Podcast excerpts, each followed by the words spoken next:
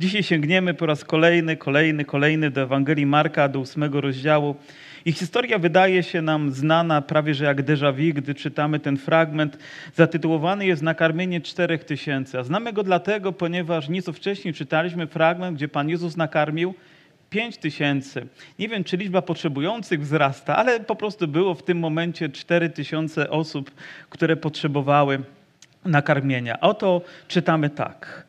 W one dni, gdy znowu było wielkie mnóstwo ludu, a nie mieli co jeść, przywołał uczniów i rzekł do nich: Żal mi tego ludu, bo już trzy dni są ze mną, a nie mają co jeść. A jeśli rozpuszczę ich głodnych do domów, ustaną w drodze, a przecież niektórzy z nich przybyli z daleka. I odpowiedzieli mi uczniowie jego, skądże ktoś potrafi ich nakarmić chlebem tutaj na pustyni? I zapytał ich, ile macie chlebów? Oni zaś rzekli siedem. I polecił ludowi usiąść na ziemi, wziąwszy te siedem chlebów i pociągowawszy, łamał i dawał uczniom swoim, by kładli przed nim i kładli przed ludem. Mieli też y, kilka rybek i pobłogosławiwszy je, kazał i te kłaść przed nimi. A jedli i nasycili się i zebrali siedem koszów resztek chleba, które zbywały. Było zaś około czterech tysięcy i rozpuścił ich. Oto kolejna historia, która ukazuje nam wielką, wielką łaskę i moc Bożą. Wiecie, niektóre rzeczy w naszym życiu wydaje się, że gdy raz przeszliśmy, to już jesteśmy na tyle pouczeni, że przechodząc przez nie przejdziemy z większą łatwością, że już nie będzie tak trudno, że nie będzie to takie uciążliwe dla nas, ale życie jednak mówi, że sytuacje nie zawsze się zmieniają, że czasami nasza postawa serca nie tak szybko się zmienia, nawet jeżeli ta sama sytuacja nas spotyka, w której Bóg wcześniej okazał nam tyle łaski. I dokładnie tak samo jest w tej historii, o której czytamy. Oto kolejna potrzeba związana z czteroma tysiącami ludźmi. Wiemy, że miejsce, w którym Pan Jezus w tym momencie dokonuje tej, tej rzeczy jest nieco inne, ponieważ wcześniej wykonywał to po tej stronie, można powiedzieć, jeziora Galilejskiego, która w pełni należała do Izraela, a tutaj, gdy przeprawił się na tą drugą stronę, oto tam znaleźli się ludzie, którzy również potrzebowali pokarmu. Ktoś nawet powiedział, że Pan Jezus w ten sposób dał symboliczny taki akt, że zarówno przyszedł, aby nakarmić Izraela, jak i przyszedł po to, żeby na, nakarmić pogan i nigdy nie zabraknie jego chleba dla Bożego ludu. Myślę, że to znaczące dla nas i być może piękne nawet odniesienie, ale chciałbym, żebyśmy bardziej osobiście do niego się odnieśli i zobaczyli, jaka lekcja płynie tutaj dla nas. Pan Jezus widział, Widział to, co widzieli jego uczniowie, widział te same rzeczy, te same osoby, te same potrzeby, ale wygląda na to, że wrażliwość Pana Jezusa była inna niż jego uczniów. I oto o, o czym mówi nam wiersz, który mówi w drugim: Żal mi tego ludu, bo już trzy dni są ze mną, a nie mają co jeść. Trzy dni są razem z Panem Jezusem. Trzy dni są na konferencji, ale nie ma tam cateringu, nie ma tam wyżywienia. W zasadzie ich zasoby się skurczyły i rzeczywiście ludzie do końca są z Panem i wytrwali do tego momentu i nawet są osłabieni, a Pan Jezus mówi, żal mi tego ludu. I ktoś czytając ten fragment powiedział, niezmienne współczucie że Bóg widział, że Jezus widział i współczuł tym ludziom, którzy się tam znaleźli. Wiecie, nie liczyła się tylko liczba czterech tysięcy ludzi, ale liczyła się każda osoba, która tam była i była głodna i znalazła się w potrzebie. Pan Jezus widział nie tylko tłum, ale widział każde serce, widział każdą siostrę, każdego brata, widział każde dziecko, każdą sytuację, w której się znaleźli. Niezmienne współczucie. I wierzę, że tak samo jest również i dzisiaj, że Bóg nie tylko patrzy na tłum ludzi, który się zbiera, ale patrzy na indywidualne potrzeby, które mamy w naszych sercach, które nosimy, a Jego współczucie jest takie samo, ono się nie zmieniło. Chcielibyśmy, żebyśmy jako Kościół mieli również właściwą postawę, taką, jaką miał nasz Pan, a ona była pełna współczucia. Ktoś kiedyś opowiadał historię o pewnym polityku, który został gubernatorem. Był zaangażowany w wiele potrzeb ludzi, ale kiedy został gubernatorem, to jego pozycja oczywiście gdzieś tam wzrosła. Zaczął zajmować się rzeszami ludzi i przyszła do niego pewna kobieta z indywidualną potrzebą i siedziała w korytarzu, czekała na niego. On oczywiście był zajęty jako polityk wieloma sprawami. Ona tam czekała i poszła sekretarka, która była wierzącą też osobą do tego gubernatora. Mówi, panie gubernatorze, ale tutaj czeka na pana. I była to mm, murzynka, która gdzieś przyszła z jakąś potrzebą, a on wcześniej był zaangażowany w pomaganie tym ludziom. I mówi wie, do swojej sekretarki, mówi, wiesz co, mówi, odkąd zostałem gubernatorem, już nie mam czasu na indywidualne potrzeby ludzi. I ta sekretarka tak popatrzyła na gubernatora, mówi, wie pan co? Mówi, nawet Bóg do tego nie doszedł. Bo On zawsze będzie patrzył indywidualnie na potrzeby każdej osoby. I piękną rzeczą jest, że my dzisiaj możemy przyjść i czytaliśmy też na początek naszego nabożeństwa, że Bóg nasyca nas że Bóg czyni nasze życie błogosławionym. I tego również Bóg chciał dla tych ludzi, którzy byli tam zebrani, i tego również Bóg chce również dla nas. Mówi, a jeśli rozpuszczę ich głodnych do domów, ustaną w drodze. Bóg nie chce, byśmy wychodzili z takiego miejsca społeczności z Nim głodni, z jakimś deficytem, ponieważ grozi to tym, że gdzieś zasłabniemy po drodze, stracimy sił, może upadniemy, okaleczymy się, a może też jeszcze większa krzywda nam się stać. I od i odpowiedział, e, i odpowiedzieli mu uczniowie jego, skądże ktoś potrafi ich nakarmić chlebem tutaj na pustyni? Wiecie, zdumiewające są te słowa, zdumiewająca jest postawa jego uczniów. Mówi, skądże Skądże tutaj na pustyni możemy wykrzesać tyle pokarmu, żeby nakarmić tych ludzi? Oczywiście, że pamiętają, bo jakżeby nie, tą historię, która, tę historię, która wydarzyła się nieco wcześniej, gdy Pan Jezus pięcioma chlebkami karmi ile? Pięć tysięcy ludzi, czyli jeden chleb był na tysiąc osób. Tutaj liczba jest nieco mniejsza, a ilość chlebów jest większa, a więc wydaje się, że jest nawet większa łatwość w tym, żeby zaspokoić ten głód. Ale przede wszystkim jest tam Jezus Chrystus. A oni mówią, skądże, Panie, my tutaj mamy? Skądże? Jakże trudno pewnie było to zrozumieć nawet Panu Jezusowi, który ze zdziwieniem na nich patrzył, gdy oni wypowiadali te słowa, mówi, a ja? Jakby mówi, a, a, ja co tutaj robię? Mówi, po co ja tutaj jestem, skoro wy uważacie, że nie da się tego zrobić? Że ta sama sytuacja, ta sama potrzeba, ten sam Jezus, większa ilość chleba, mniejsza ilość ludzi, a oni i tak mówią, że to jest niemożliwe do wypełnienia. Jakże dziwną rzeczą byłoby, gdybyśmy mając Jezusa w naszym sercu i wiedząc, jak wielkim jest Bogiem i wiedząc, jak wielkie cuda dokonywał, ponieważ je odkrywamy na kartach Bożego Słowa i wiele z nich doświadczamy w naszym życiu i oto pojawia się jakaś trudność, a wiemy, że Bóg zna nasze myśli i tylko On zna nasze myśli oprócz nas samych, nikt inny tego nie potrafi, On nawet lepiej zna nasze myśli niż my, niż my sami. I, i oto mówimy w naszych myślach, to niemożliwe, tego się nie da. Z tej sytuacji już nie ma rozwiązania, nie ma wyjścia. Jakże sobie poradzimy? A on to wszystko słyszy i jest w naszym sercu, mówi, a ja? Co ja tutaj robię? Powiedz mi, dlaczego mnie zaprosiłeś jako Pana i Zbawiciela? Dlaczego dałeś mi swoje życie, skoro dzisiaj kwestionujesz to, że, ma, że ja nie mam mocy, aby zaspokoić tą potrzebę? Powiedzcie mi, czyż nie taka jest czasami nasza postawa? Oto znaleźliśmy się w jakiejś trudniejszej nieco sytuacji, może bardziej dramatycznej, uciążliwej dla nas i zaczynamy panikować gdzieś w naszych sercach i, i, i rzeczywiście piętrzą się przeciwności, ale Bóg mówi, ale zaraz, mówi, mój ludzie, mój Kościele, a co ze mną? Chciałbym, żebyśmy przyjmowali właściwą postawę jako Jego uczniowie i ufali naszemu Panu. Amen? Ufali naszemu Panu, wiedząc, że On jest niezmiennym Bogiem. Ja wiem, że rzeczy nieco inaczej wyglądają w historii niż my, gdy czytamy Biblię, bo gdy my przerzucimy kilka kartek, powiedzmy w Biblii, przeczytawszy je, to możemy, może zająć nam to kilka chwil w historii, to może być kilka również chwil, to może być kilka dni, to może być kilka tygodni, to może być kilka lat, to może być kilka dekad, a może nawet być kilkaset lat.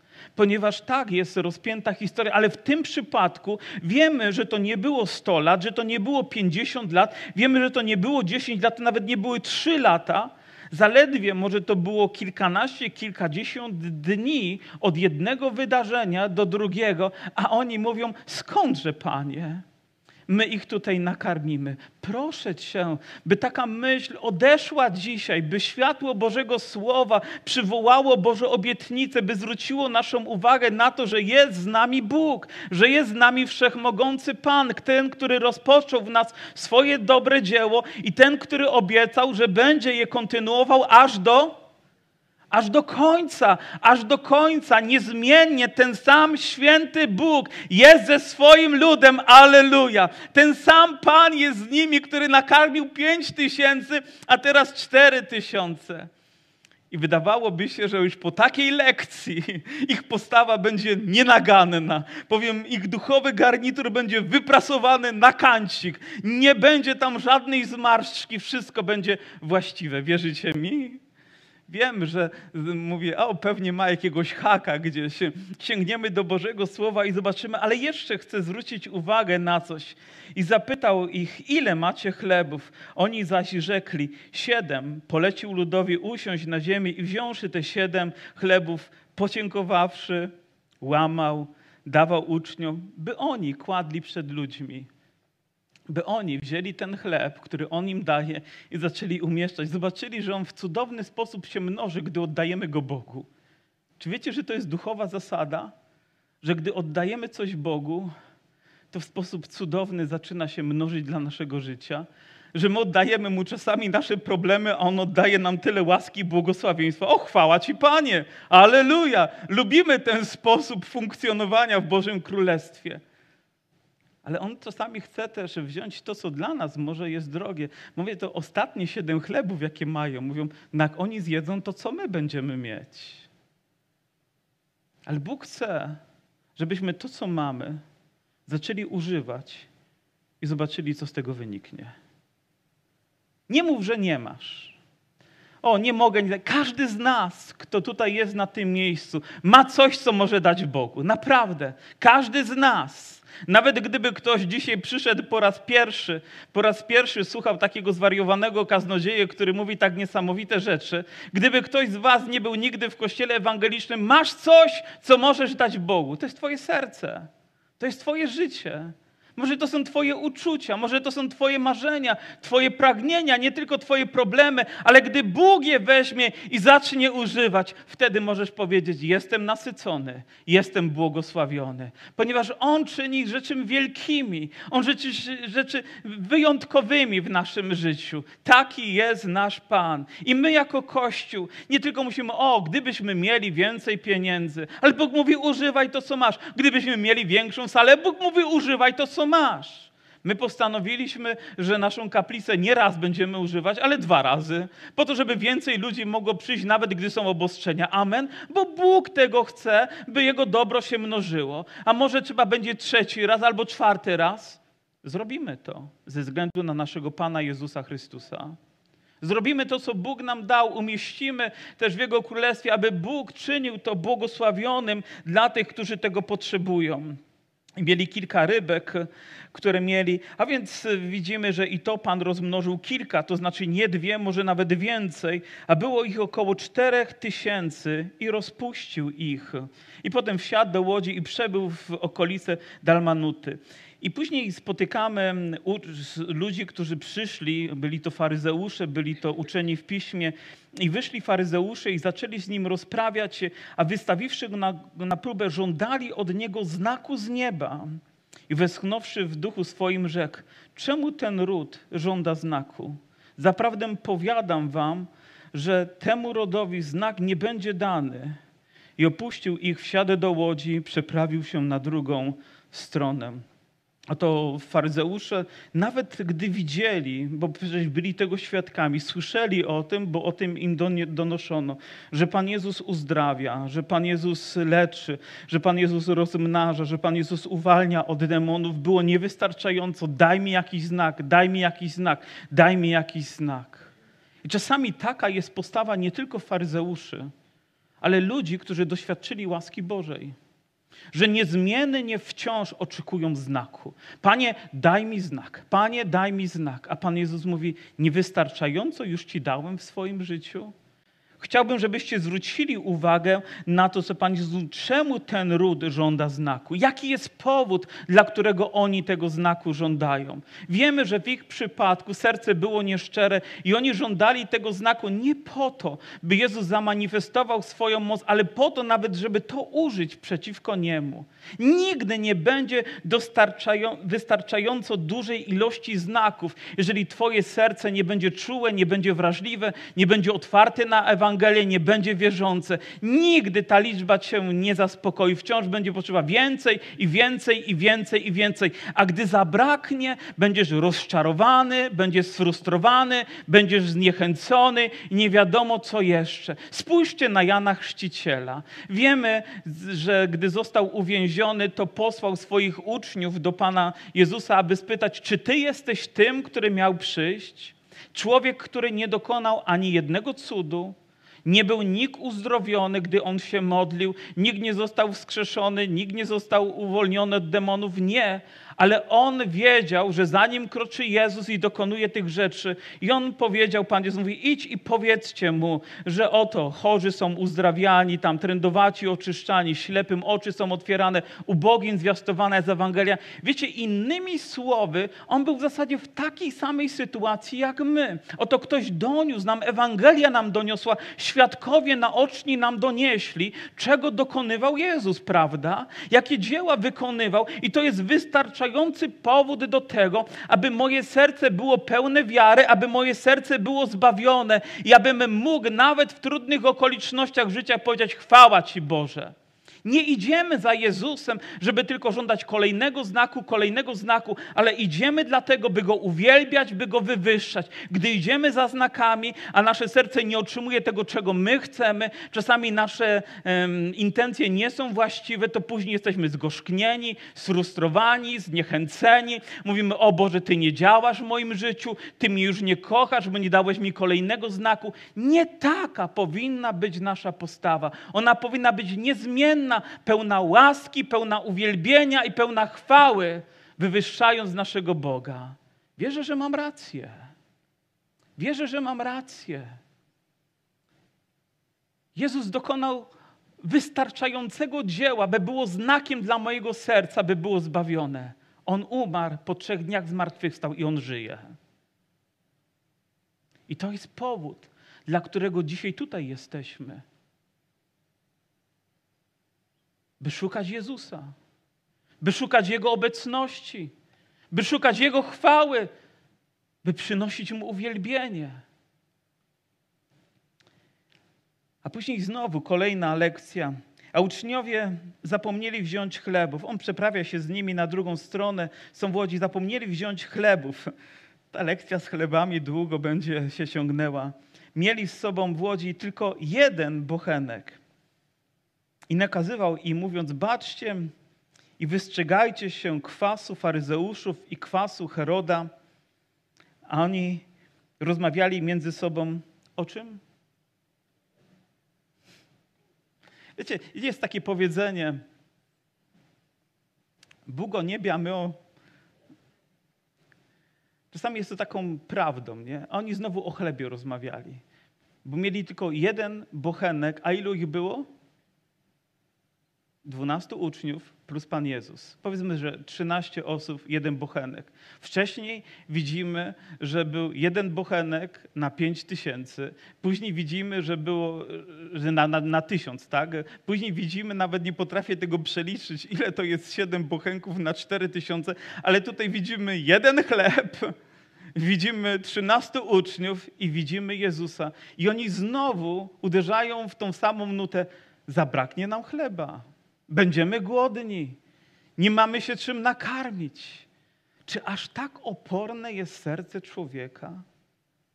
Czy po raz trzeci wchodzimy w tą samą sytuację, a mimo to nie zmieniamy postawy naszego życia, by zaufać Jezusowi? Czasami popełniamy te same błędy, to prawda, jakby nie wyciągamy konsekwencji z innych i szkoda, że tak jest, bo ponosimy niezmiennie tego konsekwencje, ale w tym przypadku nasza wiara powinna się zmienić. Nasza postawa wobec Jezusa powinna się zmienić. Skoro On ma moc nakarmić pięcioma chlebami pięć tysięcy, czteroma, siedmioma chlebami cztery tysiące, to czy jednym chlebem nie wykarmi tej dwunastki? No wybaczcie. Czy myślisz, że Bóg się o ciebie nie zatroszczy, gdy widzisz tylko jeden bochenek w chlebaku? Gdy pieniądze kurczą się na koncie, gdy wyniki zdrowia nie są najlepsze, czy myślisz, że Bóg cię opuści? Że Bóg cię pozostawi w tym miejscu trudności, doświadczenia, odwróci swoje oblicze i powiem: Nie znam go? Czy myślicie, że Jego miłość i łaska i moc nie jest większa? Ja wierzę, że On nas nigdy nie zostawi. Że nikt nie wyrwie nas z Jego ręki. Że Jego dobroć jest większa nawet niż my sobie potrafimy to zilustrować jakimkolwiek przykładem naszego życia. Taki jest nasz Pan. Mówi, chleba nie ma. Ale Pan Jezus nie o tym mówi. Mówi, wystrzegajcie się kwasu faryzeuszów. Wcześniej Pan Jezus tego zasmakował. W ich sercach był kwas. Kwas w takiej nomenklaturze żydowskiej jest równoznaczny ze złem, które jest w sercu człowieka, które knuje. Może to być też jakaś dwulicowość życia człowieka, coś skrywanego głęboko w naszym sercu, co jest kwasem, a co później się roznosi gdzieś w naszym życiu. Oczywiście, że ktoś powiedział, że jesteśmy tym, co jemy, albo tym, co nosimy w naszych sercach, to tym najczęściej emanujemy. I bywa tak, że ludzie emanują tym. Pan mówi, wystrzegajcie się tego. Innymi słowy mówi, nie miejcie nic wspólnego ze złem a o inne rzeczy ja się zatroszczę. Mam moc do tego, ale wy zadbajcie też o właściwą postawę, pełną ufności, pełną nadziei, pełną wiary, że ja was nie zostawię, że ja was nie opuszczę, bo ja jestem waszym Bogiem. Aleluja!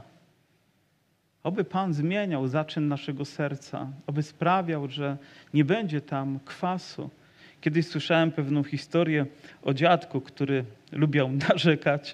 Pewnego dnia dzieci zrobiły mu żart. Kiedy dziadek spał, miał wąsy, wzięły z lodówki jakiś śmierdzący ser, ale wnukowie są kochani, nie? I wys wysmarowali wąs dziadkowi. Dziadek się obudził i mówi, w tym salonie śmierdzi, mówi. Zaczął chodzić po domu, mówi, w domu śmierdzi. Wyszedł na dwór, mówi, cały świat śmierdzi. Czasami myślę, że tak jest, gdy mamy coś w głębi naszego serca. Gdy mamy niewłaściwą postawę przed Bogiem, wszystko jest złe, wszędzie widzimy zło, w każdym człowieku widzimy coś niewłaściwego. A może problem nie jest na zewnątrz? Może problem jest w tym, aby zmieniła się nasza postawa serca. Problem nie jest w tym, że nie mamy dostatecznej ilości chleba, ale braku wiary braku może pokory, braku kolejnego zaufania wszechmogącemu Bogu. A On przecież nas kocha. Amen? I oto kolejna jeszcze lekcja. Jeszcze mamy trochę czasu do dwunastej, także oto Pan Jezus przybył do Betsaidy i przyprowadzili do Niego ślepego i prosili Go, aby się Go dotknął. A on wziąwszy ślepego za rękę, wyprowadził go poza wieś, splunął w jego oczy, włożył nań ręce i zapytał go, czy widzisz coś? A ten przyjrzawszy rzekł, spostrzegam ludzi, ale gdy chodzą, wyglądają mi jak drzewa. Potem znowu położył ręce na jego oczy, a on przejrzał i został uzdrowiony. Widział wszystko wyraźnie i odesłał go do domu jego, nakazując tylko do wsi nie wchodź. Tylko Marek opisuje tę historię dotyczącą uzdrowienia w takich dwóch etapach, gdybyśmy to mogli tak nazwać. Kiedy ja patrzę na tę historię, to wiecie co widzę, że Pan Jezus dał prezent kaznodziejom. Naprawdę uwielbiamy tę historię, ponieważ możemy tutaj wiele dobrych rzeczy powiedzieć, jak to Pan Jezus nie tylko raz coś czyni, ale niezmiennie coś czyni po to, żebyśmy mogli wej przyjąć kolejną postawę, albo żeby głębiej uwierzyć, albo żeby szerzej zostały otworzone nasze oczy. Ale za chwileczkę do tego dojdziemy. Spróbujcie tylko zobaczyć, że oto Pan Jezus przychodzi do jakiejś wioski, przyprowadzają do Niego. To też może ciekawa lekcja, że ludzie pełni troski przyprowadzają człowieka do Jezusa, wiedząc, że On jest tym, który ma moc uzdrawiać. Ale jeszcze jedna myśl, cofnę się trochę wstecz, bo chcę, żeby to było zaznaczone, bo może będzie to ciekawe. Pamiętacie, Pan Jezus, gdy miał nakarmić te cztery tysiące osób, wcześniej w tej samej krainie, jeszcze zanim tam był tym razem, tylko jeszcze wcześniej, uwolnił tam człowieka od legionu demonów. Pamiętacie? Te legion demonów szedł świnie, wrzuciły się ze skały, a później powiedział temu uzdrowionemu, temu uwolnionemu człowiekowi, żeby poszedł do swojego domu, żeby poszedł do swojej miejscowości i tam opowiadał. I tak pomyślałem sobie, czy może nie jest tak, że jego świadectwo zaowocowało tym, że tak wielu ludzi przyszło później do Pana Jezusa, może nie tylko jego, ale i innych, którzy byli uzdrowieni, poszli tam, gdzie była możliwość i wieść o nim się rozeszła tak głęboko i tak mocno, jakże wspaniałą rzeczą jest, gdy my opowiadamy o Bożych dziełach w naszym życiu. Wiecie, nie potrzeba wiele, może wrócić do swojego domu, gdy przeżyjesz nowonarodzenie i podzielisz się ze swoją rodziną. Poznałem Jezusa, On zbawił moje serce. Dzisiaj Bóg nakarmił moje serce swoim słowem. On jest niezwykły. To jest żywy Bóg. Ja tego doświadczyłem. I może się okazać, że będziemy mieli problem w przyszłym tygodniu, bo nie będziemy w stanie na dwóch nabożeństwach pomieścić wszystkich, którzy byśmy tutaj chcieli umieścić, ponieważ wy podzielicie się tym, co Bóg uczynił i co Bóg czyni w naszym życiu. Amen. A tutaj widzimy również, że oni przyprowadzili, bo słyszeli wcześniej o Jezusie, bo wiedzieli, jak wielki jest Bóg, ile ma łaski dla ludzi i prosili Go innymi słowy w naszej nomenklaturze zabrzmiałoby to, modlili się o to, żeby On dotknął się Go, a On wziąwszy ślepego za rękę, wyprowadził poza wieś. I tutaj mamy dwie interpretacje tego samego fragmentu. Dlaczego Pan Jezus bierze tego ślepego z tego miejsca, gdzie jest wielu ludzi, ludzi są świadkami tego wydarzenia, aby później oni mogli później opowiadać, ale wyprowadza go poza wieść. Poza wieść po to, to, słuchajcie, nie ma tutaj nic ukrytego, że Pan Jezus chce, żeby, żebyśmy ze wsi wyszli, prawda? Tylko chodzi o to, że wyprowadza go z tego miejsca, żeby spędzić i z nim czas sam na sam, może bez innych ludzi, że to jest bardzo osobiste, że to jest bardzo głębokie, że nie chodzi o poklask innych, tylko chodzi o Boże dzieło w życiu człowieka. Że tak właśnie działa też nasz Zbawiciel, gdzieś w ukryciu, prze, przed oczami ludzi, może przed kamerami, dokonuje się Jego dzieło. Że to nie jest tylko po to, żeby inni wiwatowali, ale to, po to, żeby człowiek został pobłogosławiony. Ale inna interpretacja, też na którą wpadłem jakiś czas temu, mówi tak, dlaczego Pan Jezus zabiera człowieka ślepego z miejsca, w którym czuje się bezpiecznie? Ja wiem, że każdy człowiek, który też mm, no, ma to kalectwo, tą przypadłość, tą trudność, że nie widzi rzeczy tak, jak powinien.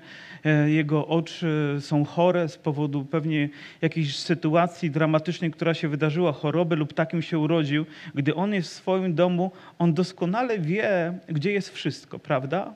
On wie, gdzie jest każdy przedmiot, po który musi sięgnąć. I tak samo, gdy wychodzi z domu, ma obliczoną ilość kroków w prawo, w lewo, w przód, do sklepu, gdziekolwiek chce. On wszystko ma wyliczone, ale teraz zabierzcie go z, tamtego miejsca, gdziekolwiek indziej. Czy będzie czuł się bezpiecznie? W zasadzie to taki chaos, który wprowadza się w życie. Dlaczego Pan Jezus zabiera nas z miejsca naszej wygody do miejsca, gdzie chce nas zaprowadzić? Może po to, żeby dokonało się Jego dzieło w naszym życiu.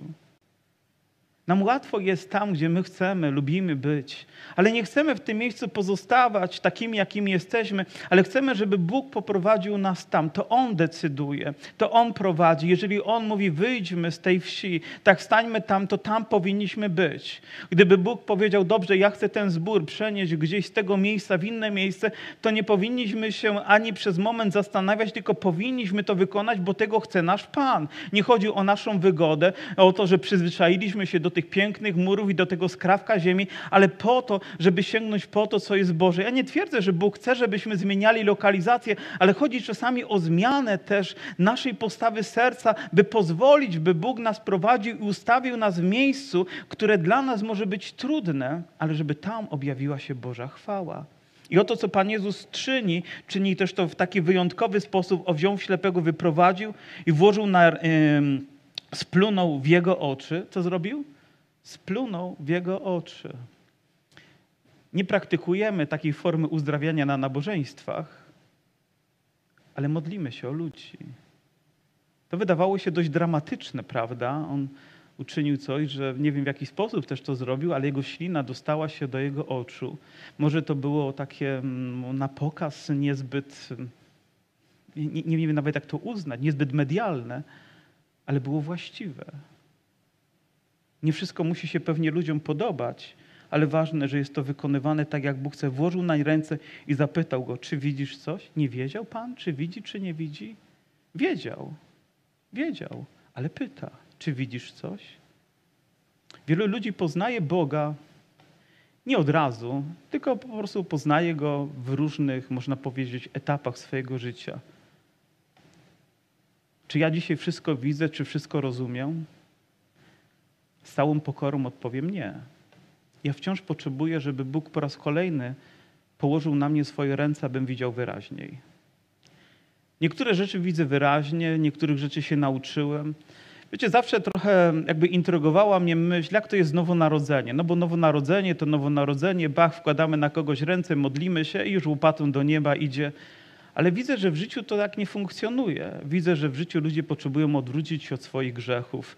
Ludzie potrzebują się uczyć, rozpoznawać Bożą wolę, przyjmować Jego wolę do swojego życia, nauczyć się modlić, funkcjonować, służyć. Że to jest pewien proces, przez który Bóg nas przeprowadza.